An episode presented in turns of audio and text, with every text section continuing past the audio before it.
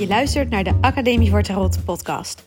Mijn naam is Christa en ik deel heel graag al mijn tarot-ideeën, kennis, filosofische gedachten en creatieve tarot-inspiratie met jou, zodat ook jij het heft in eigen hand kunt nemen met de kaarten.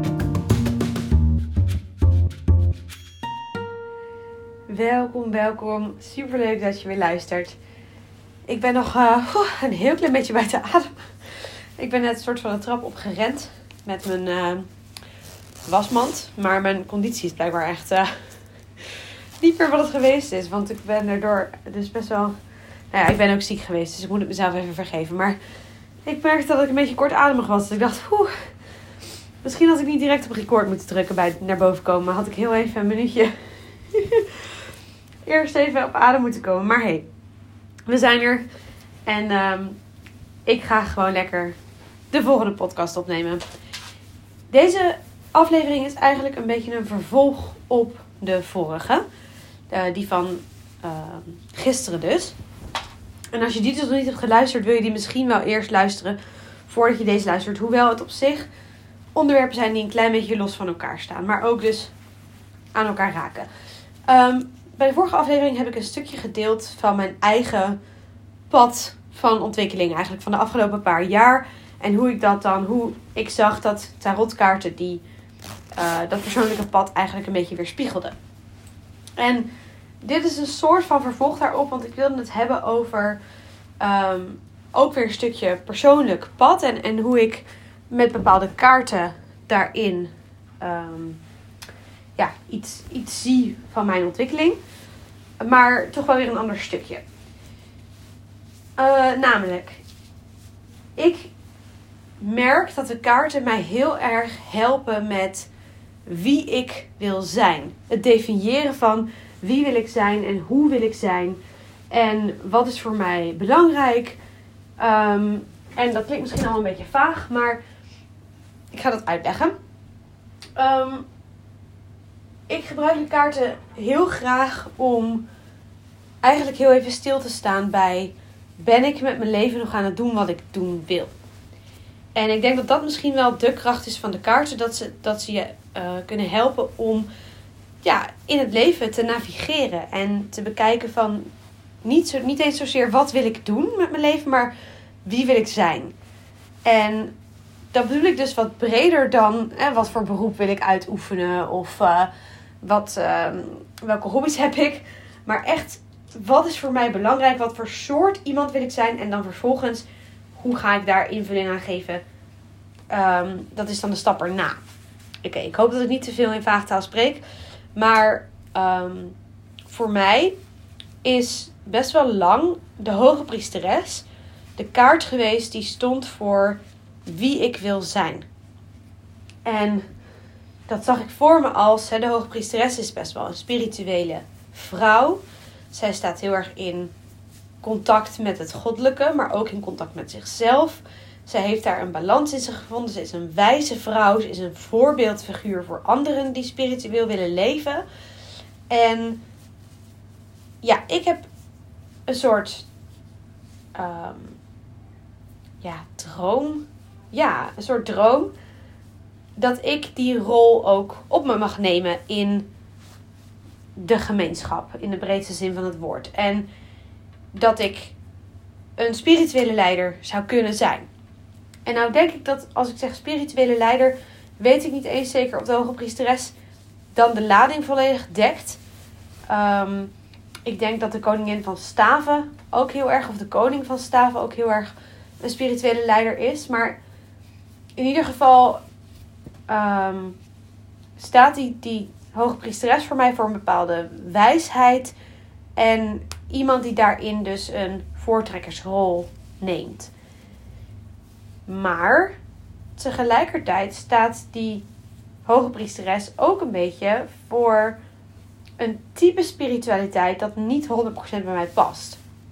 Voor mij, in mijn ogen, is dat dan um, dat de hoge priesteres ook wel ja, iets in zich heeft van, uh, een heks, van hekserij of van.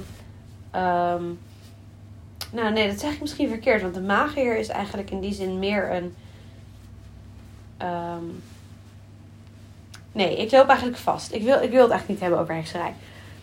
Ik, ik merk dat ik het moeilijk vind om, omdat ik graag ehm, in niet al te veel woorden met je wil delen wat ik bedoel. En tegelijkertijd heb ik het voor mezelf misschien nog niet eens helder genoeg. Misschien ben ik deze podcast te vroeg aan het opnemen.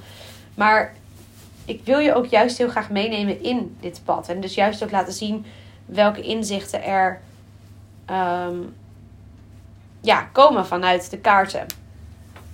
Ehm, en nou goed, de hoge priesteres dus als een soort archetype van spiritueel leider. Hoe je dat dan ook precies invulling wil geven, dat is wel wat ze voor mij betekent, waar ze voor staat. En ze is een, ehm, ja, een spirituele wijze vrouw. En dat is iets wat ik ook wil zijn. Ehm, maar, en dit haakt ook een beetje aan op mijn podcast, volgens mij nummer 13, over intuïtie. En over of je als denker ook intuïtief kunt zijn. Dat intuïtie niet per se emotie is. Ehm, daar heeft dit ook mee te maken. Ik heb heel erg de maar dat de hoge priesteres voor mijn gevoel heel spiritueel is in een ehm, op een wat zweverige manier. En ik denk dat de manier waarop zij uh, spiritueel is, dat is niet helemaal, dat weerspiegelt niet volledig hoe ik me spiritueel voel. En laatst um, was ik de kaarten aan het bestuderen en was ik eigenlijk voor mezelf aan het afwegen wie wil ik zijn. En toen heb ik verschillende kaarten gekozen, dus niet getrokken. En toen kwam ook gerechtigheid op tafel. En ik had een heleboel kaarten trouwens hoor, die allemaal dan een, dan een eigen facet of een eigen stukje zouden kunnen laten zien van wie wil ik dan zijn. En toen lag gerechtigheid op tafel en toen zag ik ineens de gelijkenissen met de hoge priesteres. En toen dacht ik ineens, wauw. Eigenlijk is gerechtigheid de kaart die verbeeldt wie ik wil zijn in de Academie voor Tarot. Wat voor soort ehm, inspirator ik wil zijn voor mensen. En nou denk ik dat bij de meeste mensen gerechtigheid niet heel erg tot de verbeelding spreekt. En een kaart is die niet per se, ehm, niet per se gehaat wordt of zo, maar ook niet per se geliefd is. Ik denk dat gerechtigheid een kaart is die mensen vaak wat afstandelijk vinden. Maar ik zag in die kaart bepaalde aspecten uh, terugkomen van, van waarvan ik dacht, ja, dit is, dit klopt met wie ik wil zijn. En ten eerste de gelijkenissen met de hoogpriesteres. Op beide kaarten zien we twee zuilen en we zien een doek achter de figuur hangen. En die twee symbolen maken dat, het, uh, dat er overlap is eigenlijk tussen die twee kaarten. De zuilen zien we ook terug op de hoge priester. En dat vind ik ook iets heel moois, want de hoge priester is natuurlijk ook het archetype van de leraar. En ik wil um, met mijn academie, ja, dan, ik ben natuurlijk dan de leraar. Ik leg aan mensen uit hoe ze de kaarten kunnen gebruiken. En dan omarm ik dat stukje, die rol van de hoge priester. Um, maar wat ik wilde zeggen over die zuilen, die zuilen gaan over een stukje transformatie. En dat zeg ik omdat het beeld voor mij heel sterk is. Dat is dan ook weer, komt ook weer terug op de kaart de maan. Daar heb je die twee torens. En het beeld van tussen twee zuilen doorstappen, waarbij die zuilen eigenlijk symbool staan voor een drempel of een soort drempelmoment. Je stapt van de ene uh, ruimte in de andere als je tussen twee zuilen doorstapt.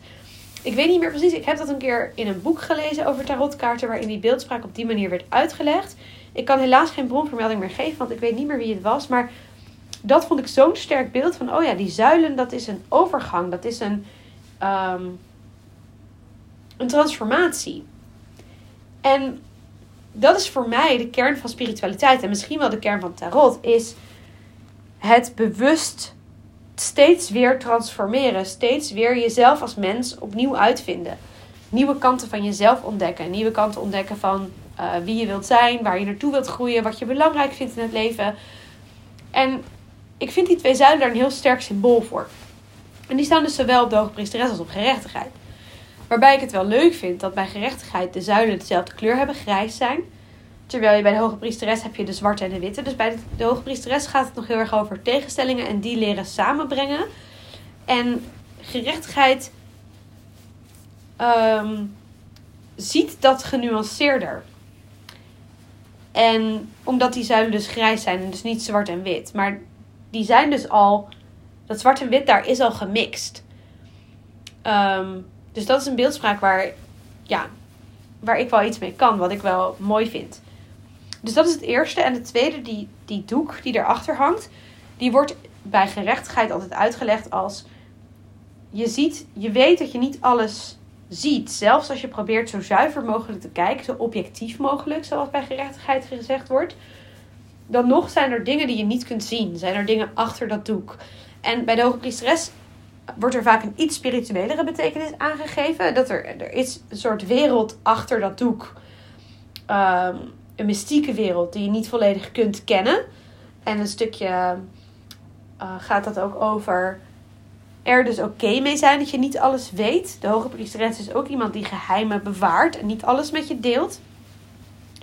En ja, ook die, dat beeld, dat klopt wel met wat ik um, zo boeiend vind aan tarot. Is dat je, je probeert eigenlijk achter het gordijn te kijken op allerlei manieren. Je probeert bij je onbewuste te komen. Daar zit een soort gordijn tussen. Je probeert um, keuzes te maken die goed zijn terwijl je niet alles weet. Je weet ook dat je met elkaar. Dat, zijn ook dat zijn ook de grenzen van tarot. Je kunt niet dingen zien die verborgen horen te blijven. Of, of ja, horen te blijven. Um, dingen zoals je kunt niet in iemands gedachten kijken, bijvoorbeeld. Uh, dingen zoals je wil niet in de toekomst kijken, althans ik niet. Dat is ook een stukje van die doek accepteren. Accepteren dat er een bepaald gordijn is, dat er, dat er kennis is waar je geen weet van hebt en ook geen weet van krijgen zult.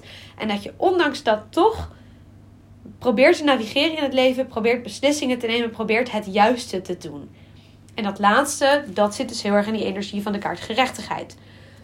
Een energie van proberen te onderzoeken wat het juiste is. Wat is voor jou op dit moment het juiste om te doen? Hoeft niet eens dus per se te zijn um, het juiste voor de wereld of zo. Nee, wat is nu het juiste voor mij?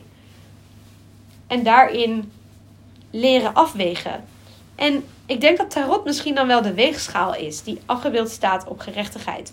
Met tarot weeg je die dingen af. Probeer je het een tegenover het ander te zetten. Probeer je inzichtelijker te krijgen wat weegt er zwaarder en wat weegt er minder zwaar in een beslisproces. En vervolgens, dat vind ik de laatste waarom ik het zo mooi vind bij gerechtigheid, die persoon heeft een zwaard in de hand. En op de afbeelding van deze podcast zie je een foto van mij waarin ik de aas van zwaarden vasthoud, waarin ik uh, het zwaard soort van vasthoud, omdat ik het zo, dat is symbolisch, dat is uh, gekozen omdat je met tarot het heft in eigen hand kunt nemen. Omdat de kaarten jou helpen om je eigen beslissingen te nemen. Om te doen wat goed is voor jou op dat moment. Wat het voelt als het juiste. Um, in moreel opzicht, maar ook in gewoon wat, wat past op dit moment bij mijn ziel, bij wie ik ben, bij nou ja, al die dingen. En ik wil dus met de Academie voor Tarot laten zien aan jou wat de potentie is van de kaarten en hoe de kaarten jou kunnen helpen om je afwegingen te maken, om te navigeren in de wereld, om je keuzes te maken, om op een soort filosofische manier ook um, te kijken naar je eigen leven, op een reflecterende manier. En dat past dan dus heel erg bij uh, die doek. Het proberen dingen te zien, proberen dingen te ontdekken, wetende dat je nooit alles kunt weten en vervolgens helpt dat jou om steeds weer te transformeren als mens. Om steeds weer tussen die zuilen door te stappen. Dus voor mij is op dit moment gerechtigheid een kaart die laat zien wat, wie ik wil zijn. En wie ik wil zijn voor jou. Wie ik wil zijn binnen mijn, mijn rol als eigenaar van de Academie voor Tarot. En als leraar voor mensen die met kaarten bezig zijn. Um, En waar ik dus vroeger heel erg keek naar de hoge priesteres. En meer dat ook eigenlijk voor me zag als... ehm, nou, haast bijna een onbereikbare rol. Denk ik nu, ja, maar zij ligt mij ook niet 100%. Zij is ook niet 100% wie ik ben. Ik pas veel beter bij gerechtigheid. En ik zeg daarbij wel, ik ben daarin nog steeds eh, lerende, groeiende, transformerend. Ik zal ook, weet je, over een jaar weer ergens anders staan. Maar nu is dit het beeld dat mij helpt, dat mij voortstuwt, dat ehm, waaraan ik me kan vasthouden van, oh ja, dat is wie ik wil neerzetten. Wie ik, wie ik wil neerzetten klinkt misschien een beetje suf, maar ehm, ja, wie ik, hoe ik naar buiten wil treden, hoe ik mezelf wil laten zien. En ik vind dus zelf het zo waardevol dat dus het, het beeld van zo'n kaart vormt zich ook weer naar jou. Weet je, want wat ik nu allemaal gezegd heb over de kaart gerechtigheid, waarschijnlijk heb je dat nog nooit gedacht over gerechtigheid. Heb je nog nooit op die manier naar gekeken. Ik had er ook nog niet op die manier naar gekeken. Dit is niet de betekenis van de kaart gerechtigheid. Nee, dit is wat deze kaart nu voor mij betekent. En die laat nu zien hoe ik wil zijn. En helpt mij dus ook om daar woorden aan te geven. Om daar een gevoel bij te krijgen dat zich niet zo goed in woorden laat vatten. Maar wat wel zich een soort diep vastzet in mij. En waar ik vervolgens houvast aan heb, inspiratie uitput, enzovoort, enzovoort. En dat is de kracht van zo'n archetype. Waar je je vervolgens zelf aan kunt spiegelen en waar je dus uit kunt halen wat voor jou op dat moment spreekt. Dat is dus ja, hoe deze kaart eigenlijk nu in mijn leven een soort hoofdrol begint te spelen. En die kaart is niet alleen. Er zijn andere kaarten die voor mij op dit moment belangrijk zijn. Die, die als het ware met mij meelopen. En je bent ook nooit maar één kaart. Weet je, dit is gewoon een stukje van het proces. Ik laat de hoge priesteres ook echt niet volledig los. Want er zitten ook aspecten aan haar en aan weer andere kaarten die ik mis in gerechtigheid. Maar gerechtigheid laat wel heel erg voor mij nu zien hoe ik de kaarten wil, ehm, wil gebruiken. En ook hoe ik aan jou wil laten zien hoe je de kaarten kunt gebruiken. Ik denk dat dat het, het belangrijkste is. En er zitten nog allerlei andere diepere lagen in. Het voert nu te ver om uh, daar nog weer dieper op in te gaan. En met diepere lagen bedoel ik dan meer wie ik nog meer hè, wil zijn. Of welke facetten ik nog meer zie. Maar heel erg dit ene beeld is nu heel erg voor mij relevant om ja, over te proberen te brengen van dit is hoe ik op dit moment um, wil zijn en hoe ik betekenisvol wil zijn. Nou goed, ik begin een beetje in herhaling te vallen. Ik hoop dat dit beeld voor jou ook leeft als ik het er zo over heb. Dat het um, sens maakt. Uh, dat, je, dat je er een soort vat op kunt krijgen. En ik hoop ook dat je denkt: oh wauw, dit is dus. Dat dit. Ik hoop dat je voelt aan hoe ik het zeg. Dat dit zo. Voor mij is dit zoiets bijzonders en zoiets moois. En ik hoop zo dat ik door dit te delen. jou ook kan inspireren om op die manier ook naar de kaarten te kijken. En om ook te gaan zien: van hé, hey, die, die kaarten die kunnen echt stukjes van mij spiegelen. Ze kunnen echt een, iets naar boven halen, iets helder maken wat je misschien al wel wist, maar waar je nog niet zozeer grip op had gekregen. En ja, ik, ik hoop dat, je, dat dit je inspireert. Om, pak ook een keer je kaarten erbij. Vraag jezelf af wie wil ik zijn. En trek geen kaarten, maar kies ze. Kies wie jij wilt zijn. En ga daar eens op reflecteren. Ga daar eens over schrijven. Zie eens wat dat met je doet. Want dat is ook echt goud. Ja, dat, dit is gewoon. Dit is iets heel moois. En ik kan hierover blijven, blijven delen. Maar ik ga hem voor nu afronden. Dankjewel voor het luisteren. Ik hoop dat je het interessant vond om ja, deze uh, weg van mij ook te horen. En ja, dankjewel. Dankjewel dat je de tijd hebt genomen om deze te luisteren. Tot de volgende.